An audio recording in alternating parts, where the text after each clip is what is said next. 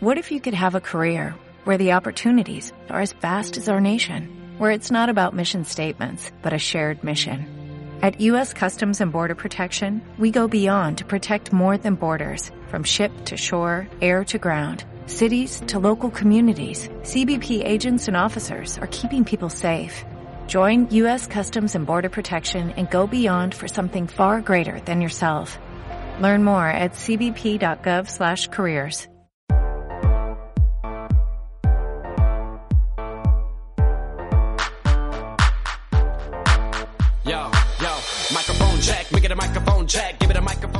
Hola a tothom, arriba un nou episodi d'entrevistes després d'unes setmanes amb molt de moviment dintre del bàsquet lleidatà.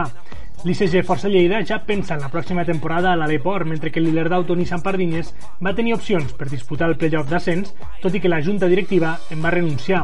I en els darrers dies ha saltat la notícia del CB Lleida podria disputar la Lliga Femenina 2 la pròxima temporada, sempre que, com tots els equips lleidatans, aconsegueixin el suport per fer-ho.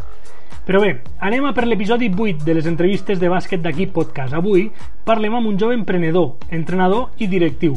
Amb només 18 anys va agafar les regnes del club del seu poble i dos anys després comença a veure'n resultats en el projecte. A més, entrena altres clubs de la província i treballa també amb la Federació Catalana. Parlem de la situació del seu club, que actualment presideix, de l'estat del bàsquet lleidatà i de possibles solucions per millorar-lo. Avui parlem amb Albert Setó. Primer de tot, eh, Albert, moltes gràcies per, per entrar. De fet, va ser tu el que vas proposar aquesta entrevista, que és una cosa que demanem des del podcast, que els clubs s'atancin a nosaltres, perquè ara mateix doncs, no arribem a, a tot. Així que moltes gràcies per voler participar i per voler explicar-nos la història de, del Club Bàsquet Torregrossa. És un plaer, ja ho saps. Comencem primer, explica'm una mica la història de, del club, quan, quan comença i com, com heu anat evolucionant. Bueno, el club va començar el 1981, però com a, com a escola esportiva. Uh -huh. Llavors estaven formats per diversos esports, fer futbol, fer bàsquet, principalment els dos. I va arribar un punt, que va ser al 89, que es va crear el club. Uh -huh. perquè el, els màxims dirigents de l'escola esportiva van decidir pues, ja agafar tota la gent que havia de bàsquet i ho van començar. Uh -huh. Llavors allí ens trobem que van haver anys que vam començar a formar molts jugadors, sobretot vam tirar molt pel bàsquet femení uh -huh. i va arribar un punt que vam, vam aconseguir tindre equips a nivell bastant alt. Llavors, el problema que teníem sobretot era de, de l'espai on jugar, que estem jugant a la sala recreativa municipal, que actualment és la sala del Vall de Torregrossa, fins que vam poder fer anar al graner. Llavors, ara ja tinc una pista que cada any l'hem anat millorant i, ja és molt millor del que teníem abans. Mm -hmm. L'any, no, no, no recordo bé si és l'any 2008 o la temporada 2007-2018, la que, la que passes a ser tu el, el president del, del club. Mm, quines són les circumstàncies que porten a, a aquest fet? Bé, ja portaven uns anys el club bastant parat perquè el president ja portava molt temps, uh -huh. moltes, bueno, moltes etapes, va començar amb molta il·lusió perquè el seu nen estava pujant uh -huh. a la base i va arribar un punt que ja estava en etapa júnior el seu nen i només quedava aquest equip. I s'havien ajuntat ja amb el lloc per aconseguir que el femení tirés, Uh -huh. Al final ja es va fer el sènior femení a Belllloc i van anar allí les jugadores perquè a Torregrossa eren menys, com és normal, -huh. I llavors se'm presenta la possibilitat a mi de quedar-me al club, ¿vale? de començar com a president, perquè si no, pues, se desfeia. Jo -huh. en aquell moment pues, vaig decidir tirar endavant amb, bueno, amb poca cosa, perquè no en tenia ni idea. Tot justet havia estat entrenador de bàsquet, i, uh -huh. però bueno, hem anat fent. Això t'anava a preguntar, tu eh, entenc que no sabies a què, a què t'enfrontaves. Com, com decideixes fer aquest pas i un cop l'has fet, com dius, bueno, doncs ara ja cap endavant, no hi ha, no hi ha moment de tirar-se enrere. Bueno, va ser més que res sentimentalment, perquè el Torregrossa on havia començat jo com a jugador, sí que vaig estar pocs anys, perquè primer havia estat lligat al futbol jugant i després vaig, vaig voler començar bàsquet. Vaig estar dos, tres anys i després me vaig anar cap a Mollerussa. El fet d'anar a Mollerussa em va desvincular una mica, però bueno, vivint a Torregrossa i tot és el club del poble. Mm. I llavors, clar, davant d'aquesta situació de o ets tu o és ningú, pues, bueno, vaig decidir tirar un van. No vaig pensar molt en les conseqüències i vaig dir, bueno, ja ho anirem apanyant. Eh, una entrevista que et feien fa doncs, justament dos anys, quan començava aquest, aquest projecte, a la federació, a la, a la representació territorial, comentaves no? que sí que tenies una junta, però que l'experiència dins del bàsquet tampoc era gaire dins de la junta. En aquests dos anys, eh, que això ha anat evolucionant, també ha anat millorant, sobretot per treure feina a tu. Sí, sí, hem anat evolucionant molt, sobretot ha entrat gent nova que ja havia estat amb AMPES, amb entitats de futbol, i almenys en aquest sentit sí que m'han ajudat molt més. A nivell mm -hmm. de coordinació esportiva, diguem, sí que me n'he encarregat tot jo, mm -hmm. però a nivell de la resta sí que m'han pogut ajudar. Molt bé. Tot i que segueixo fent la majoria de coses, però... Mm -hmm. Suposo també que quan entres tens un, un objectiu a la ment, encara que sigui una mica irreal, no? Perquè tothom comença un projecte i després quan entres dius, hòstia, doncs això que volia fer jo potser és més complicat. Quin, quin objecte tens tu en ment quan decideixes començar aquest, aquest projecte? Jo tenia clar que volíem tornar a fer la base. I jo sempre havia estat en aquella època entrenador d'escoleta, de mm. premini, i tenia clar que allò és la clau del club. I perquè tornés a reneixer dintre de Torregrossa, ho havíem de fer. Mm. I llavors ens vam centrar molt amb, amb la base. Això també, perquè quan tu l'agafes, exactament quins equips hi ha dintre? Teníem un júnior només, un júnior masculí amb 10 fitxes uh -huh. i res més. I actualment, quina és la situació? Actualment, estic molt orgullós perquè per fi aquest any hem pogut treure escoleta i, de fet, uh -huh. han passat de 0 a tindre 24 entre babies i escoleta. Més tindré un mini amb 10 fitxes, un infantil competint també amb 10 fitxes uh -huh. i el sènior masculí. Uh -huh. Eh, una d'aquestes coses et volia preguntar, hi ha un salt del, de l'infantil al sènior. Eh, què passa amb aquestes categories cadets i júniors? Clar, aquí és l'impàs de nosaltres quan vam començar, ara això fa tres anys, va, uh -huh. la primera categoria que vam poder agafar són uns minis, que ara són els actuals infantils. Uh -huh. Què passa? Tenim tres jugadors que són cadets aquest any i llavors haurem de buscar alguna fórmula. Hem intentat captar, però clar, ja en aquestes edats ja tens l'esport que jugues tota la vida i costa molt de canviar. Com està mm. part d'aquí Torregrossa, la majoria de nens estan a futbol, la majoria de nens estan a patins. Mm -hmm. Això et volia comentar també. Em deies el tema de les instal·lacions. Ara teniu una pista per jugar, però també la compartiu. Entenc sí, que no la tenim compartida, sí, amb patins.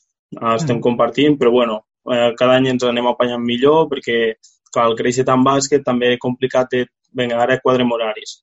Però, bueno, a poc a poc ho anem fent i gràcies a l'Ajuntament que ens ajuda molt amb això.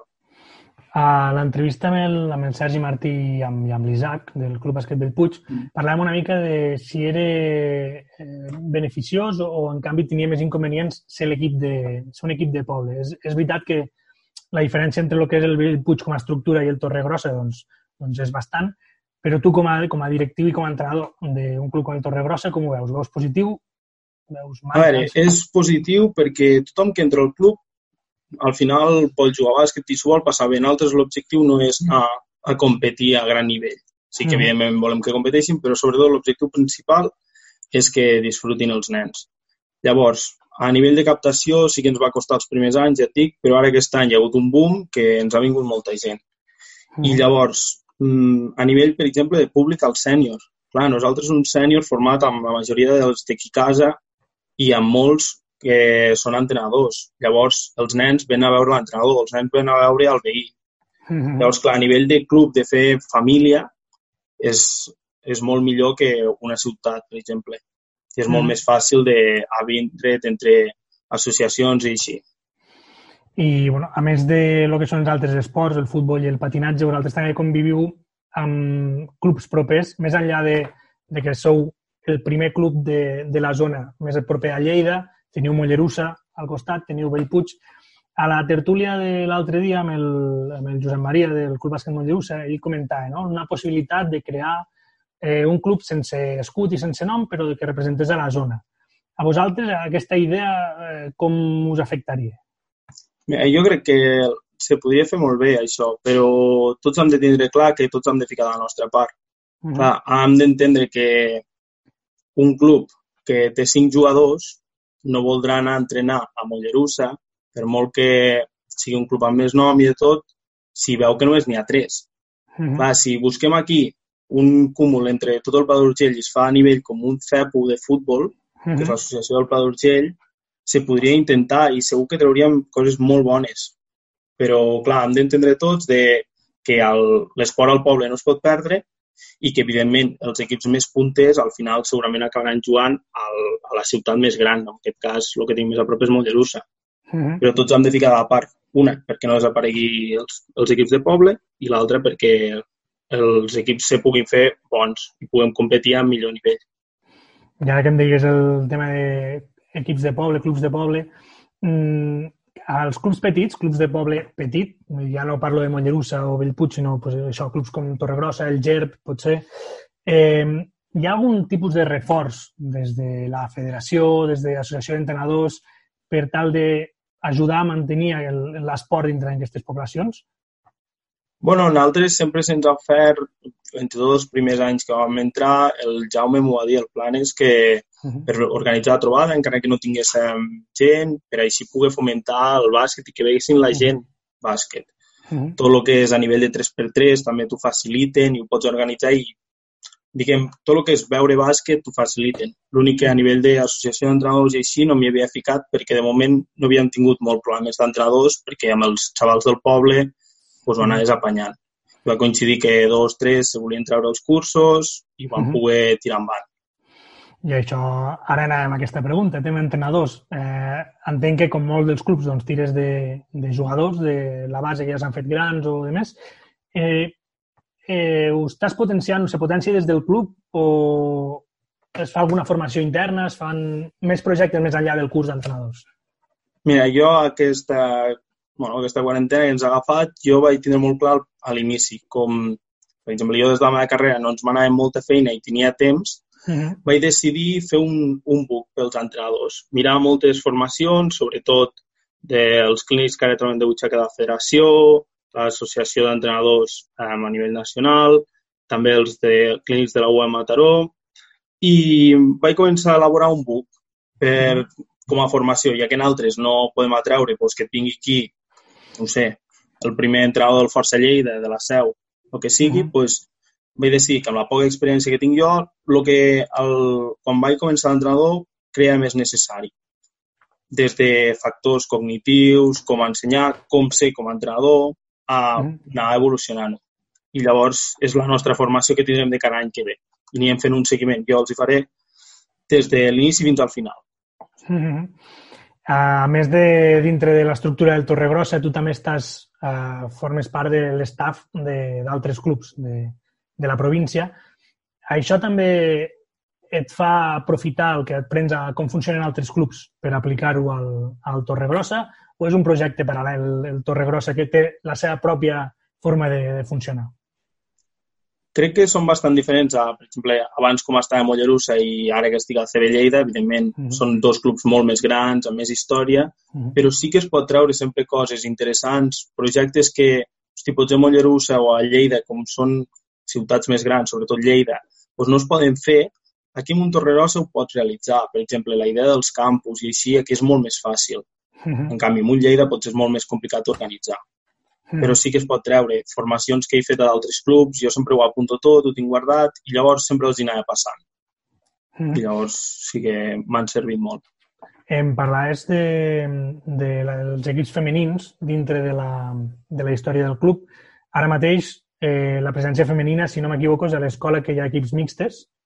No sé si has treballat, si has pensat en, en un futur doncs, ampliar aquesta base amb, amb equips femenins bueno, nosaltres ara el que, el que tenim és a l'infantil tenim una noia jugant, al mínim tenim dos i sobretot és a l'escoleta on aquest any han pogut aconseguir sis noies de uh -huh. dues edats consecutives, per tant ja és un equip que et puja, que sí que n'hi hem d'aconseguir alguna més, però que ja, ja ho tenim una mica començat. Què passa? Uh -huh. Com fer un projecte perquè tingui noies? pues, molt difícil. Has d'anar a les escoles i que les nenes vinguin i s'ho passin bé. És, és el nostre objectiu, però a nivell de nenes i de nois. No volem mm. competir, volem que vinguin, que facin un esport, s'ho passin bé, tornin a casa i diguin, hosti, doncs m'agrada el bàsquet. Això és mm. el que busquem. Llavors, com atraure més a nenes? Aquí tenim una competència molt dura en patins, perquè és un club que porta molts anys, a més, sempre tenen, tenien les sèniors que diguem a primer nivell espanyol, perquè mm -hmm. estan molt ben considerades, i atrau molt. Però bueno, ara hem aconseguit aquí fer un petit toquet, a veure de cada any que ve si podem arrastrar-n'hi més, de, sobretot de Juneda, Belllloc, podem anar buscant i Mm. aconseguir fer alguna cosa junts. Ara que ja oficialment ha acabat la, la temporada, com valores tu aquesta temporada del Club Bàsquet Torrebrossa, no a nivell de resultats, sinó a nivell de, de treball i, i de club? Jo me sembla excel·lent, perquè ja et dic, passar de... El meu objectiu quan vaig començar el club, de començar a fer base, a tindre un munt d'equips de base de cada any que ve, poder tindre complertes totes les etapes fins a infantil, Uh -huh. és que no puc buscar més. Llavors, a nivell de- d'aprenentatge i de passar-s'ho bé, els de l'escoleta, a Nadal n'hi tenien 20, però se'n van apuntar 4 més. Per tant, vol dir que fem les coses bé. Mhm. Llavors, mm, tot el que sigui anar sumant és molt positiu. Aprenentatge tècnic, tàctic, sí, també hem millorat, però ja et dic, no és el, el que busquem. Sí, sí, sí. I tornem a parlar del final de temporada. Acabi la temporada abans de temps, eh, des de la Junta teniu més temps per planificar la, la següent temporada. Com està anant aquesta planificació de cara a la temporada 2020-2021? No sé si teniu alguna idea de, de projecte nou, d'intentar impulsar algun tipus de- d'idea nova. Primer el que vam decidir és que havíem de fer activitats pels nens fins, que, fins ara, fins que acabessin el curs com a mínim. I sobretot les primeres setmanes, perquè fins a Setmana Santa aquí al Col·legi de Torregrossa es va parar tot i no els hi manaven res ni així. Llavors vam impulsar reptes de copiar jugades històriques, de fer la mona a veure el més semblant a, o pensant en el club, Uh -huh. i ens va funcionar superbé i ara de fet estic preparant un, un escape room primer pels nens i a finals de setmana n'hi haurà un per famílies que això també serveix perquè segueixin connectats al club. A nivell de planificació esportiva, sobretot el que han fet és ja tancar entrenadors i tancar equips, tindre clars vale, quants equips tenim, quins, on ens, fallen, on ens falten més jugadors i ara l'objectiu és anar a parlar amb clubs de la vora per intentar ajuntar i fer i ajudar-nos. El que parlàvem de Mollerussa, però potser fer un clubs més petits que potser ens interessa més. Per exemple, Mhm. Juneda es va acabar el club, allí podríem parlar, amb el lloc, també està, ha el sènior femení, eh? podríem anar parlant amb el vis. Però l'objectiu és això, intentar aconseguir que entre tots pues, puguem fer equips complets. Nosaltres, per exemple, només tenim el problema del mini, que tenim sis jugadors, i d'aquests tres cadets que els tenim pendents de veure com ho gestionem. I a Mhm. nivell del sènior, que potser és el més complicat, és buscar un entrenador, perquè aquests anys l'he portat jo, i clar, per temes de el Lleida, que sí que vull portar un equip aquí, però tampoc dos són molts, Uh -huh. i per experiència, perquè jo, entrenador sènior, encara no m'hi veig, perquè sí que porto anys entrenant, però sèniors no, estem buscant un entrenador. I Mhm. és el que ens està costant més. Però heu, heu intentat ja tenir contactes amb gent, amb gent o encara esteu buscant o esteu definint quin tipus No, de... no, ja hem contactat. De moment tinc Mhm. tots els entrenadors tancats, per sort, i només Mhm. me falta sènior. Hem anat parlant amb gent, l'únic que, clar, tothom està pendent de no sé què m'ha de dir el club, on estan ara, les ofertes que té o qualsevol Mhm. cosa. De moment no hem tingut cap resposta positiva. Aquesta és la primera temporada del, del sènior? No, aquesta ja aquesta és la segona. La segona. passat amb... Sí, és el júnior aquell que pujava, Uh -huh. i eren júniors de segon any quan ho vam agafar, i llavors hem entrat en segon any de sènior. I com valores aquesta experiència tenint en compte que entenc que és el grup que s'ha mantingut des de, des de júnior? La veritat és que molt bona, hem anat millorant any a any. L'únic que ens falta, evidentment, la veterania. Clar, ens trobem amb equips que ja tenen gent que porten molt temps jugant. Nosaltres tenim molt jove, tenim moltes ganes. L'únic que, clar, finals ajustats o moments puntuats del partit que ens fan descarotar, però si no haguéssim pogut competir molt millor del que ho han fet. Molts equips de dalt de la taula ens ho diuen, no se creuen que estiguem tan a valls a la taula, perquè competim en moments. Hi ha moments puntuals que desconnectem i llavors això ens fa perdre molts partits. Però tot i això, eh, em dius que en la temporada que ve tindreu sènior no, ha, no, no ha minvat en la confiança dels, dels que són els jugadors, seguireu amb el mateix, amb el mateix gruix de jugadors, no marxa gent a estudiar, no teniu aquest, aquest tipus de problema. No, no, seguim amb el mateix bloc, l'únic que ara estem pendents d'equips que es puguin fer a la vora o així, que puguin agafar algun jugador, però en principi continuem confiant en tots, des del club Mhm. mm -hmm. segur, i intentem aconseguir algun rol més de BTA, algun que aconseguim que havia jugat abans i que vulgui tornar a jugar ara. Mhm. És el que estem buscant, aquest perfil. L'altre dia també a la, a la tertúlia eh, comentàvem o parlàvem també del sistema de, de competició que fins ara doncs, comentàvem no? que potser no era del tot, mm, del tot bo per millorar el que és la base del, del bàsquet lleidatà.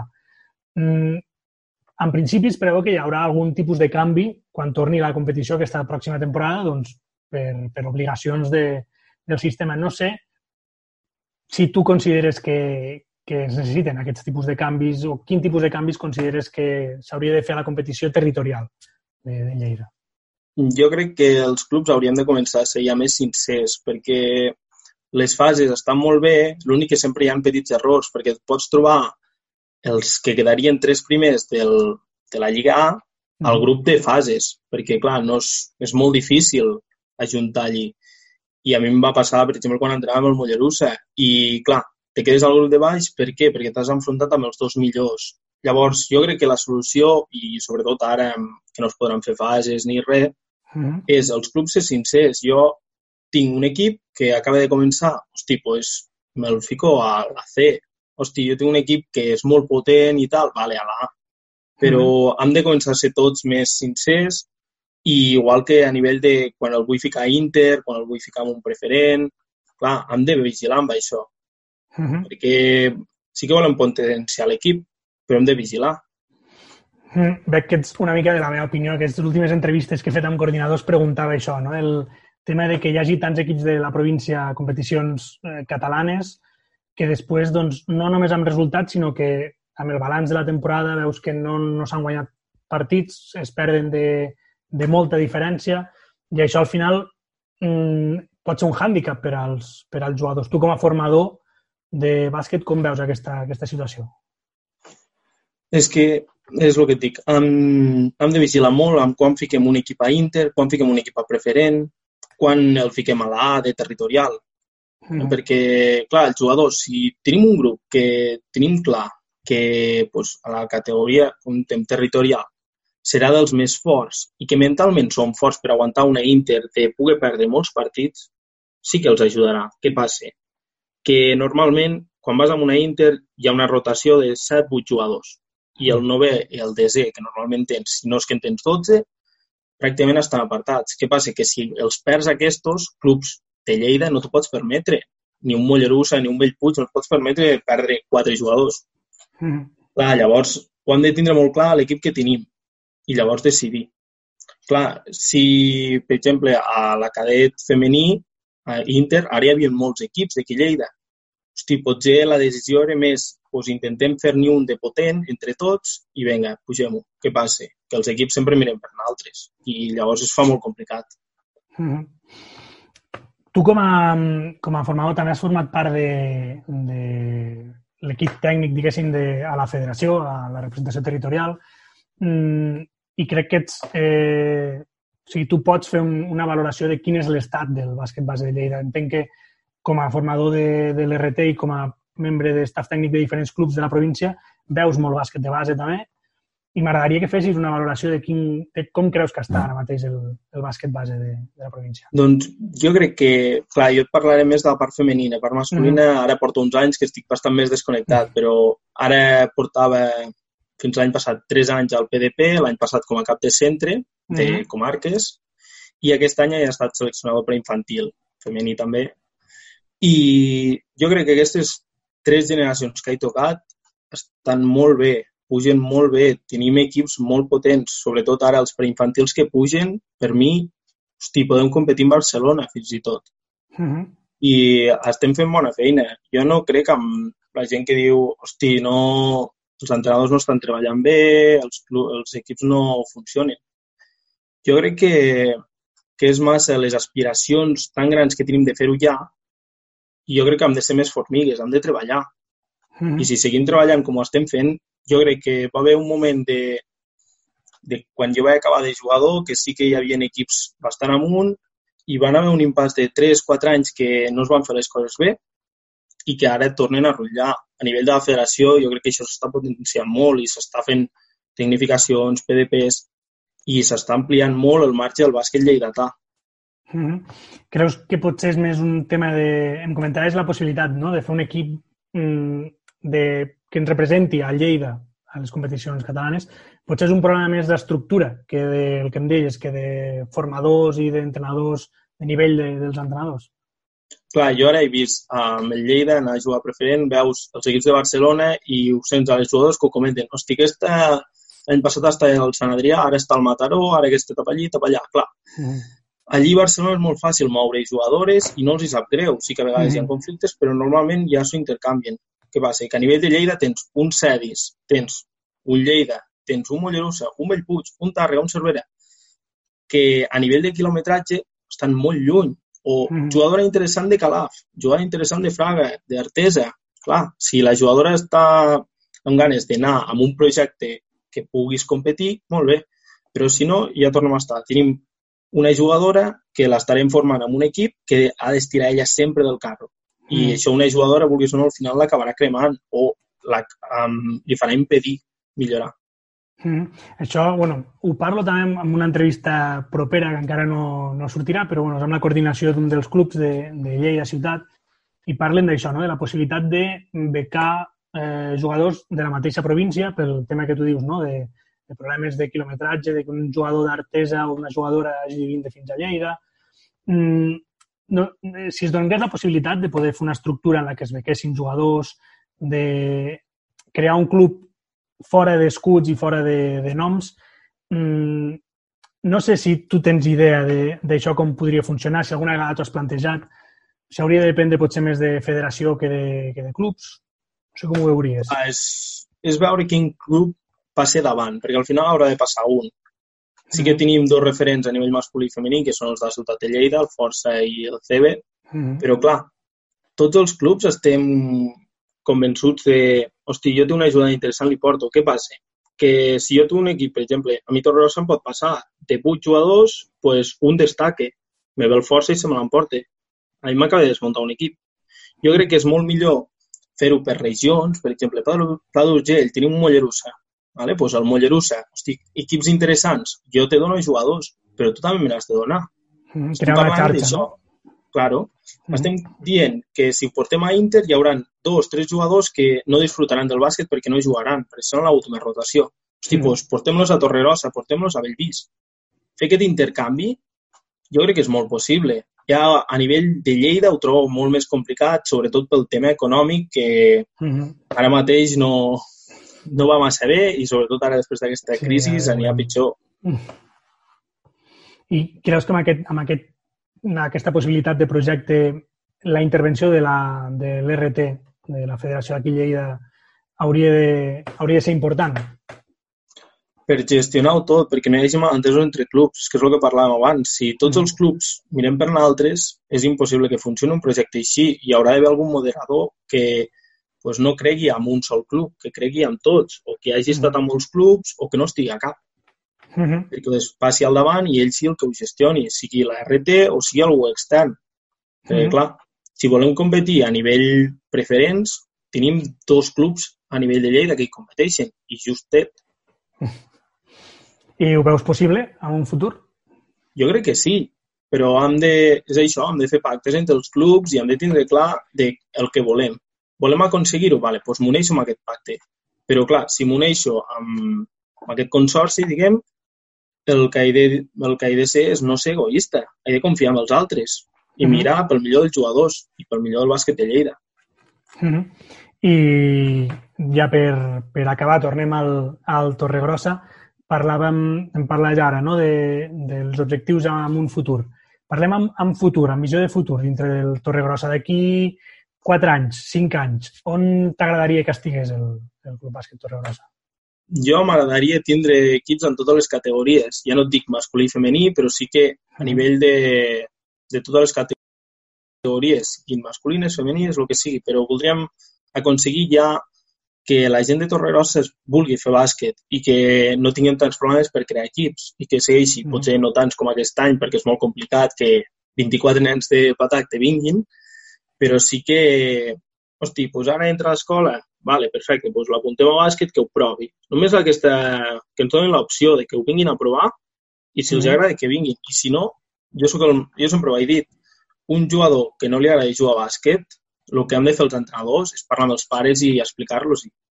Mhm. Llavors, de cara al futur, a Torregrossa el que volem és això. Tindré molts nens i sobretot que s'ho passin bé. I el sènior que continuï, sí, però no és el principal objectiu del club. Volem que, que hi hagi un sènior perquè el vagin a mirar, sí, però és tindre un sènior perquè ningú se'l miri no, no ens interessa en altres. Mhm. Perfecte, és una mica la, la visió de pertinença d'un club, que també parlàvem al, a la tertúlia, no? Mantenir aquesta pertinença que és potser més dels anys 2000 que ara dels, dels 2020. Pues sí. Perfecte, doncs, doncs deixem aquí la- l'entrevista, una mitja horeta. Eh, moltes gràcies per, per participar al podcast i tens la porta oberta per la propera tertúlia que estem intentant planificar o per quan vulguis aportar el que consideris. Perfecte, ja ho saps que sempre estic encantat de col·laborar. Perfecte, doncs, doncs moltes gràcies.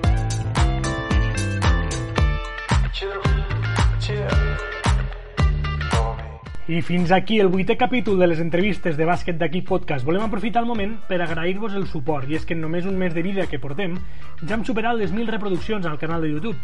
Seguim treballant en la realització d'una nova tertúlia, així com en les altres entrevistes que us puguin resultar interessants. Per això us recordem que tenim totes les bústies obertes perquè ens proposeu temes i personatges amb qui puguem parlar en pròxims episodis. Res més, ens veiem al proper capítol, la propera setmana. Salut i moltes gràcies.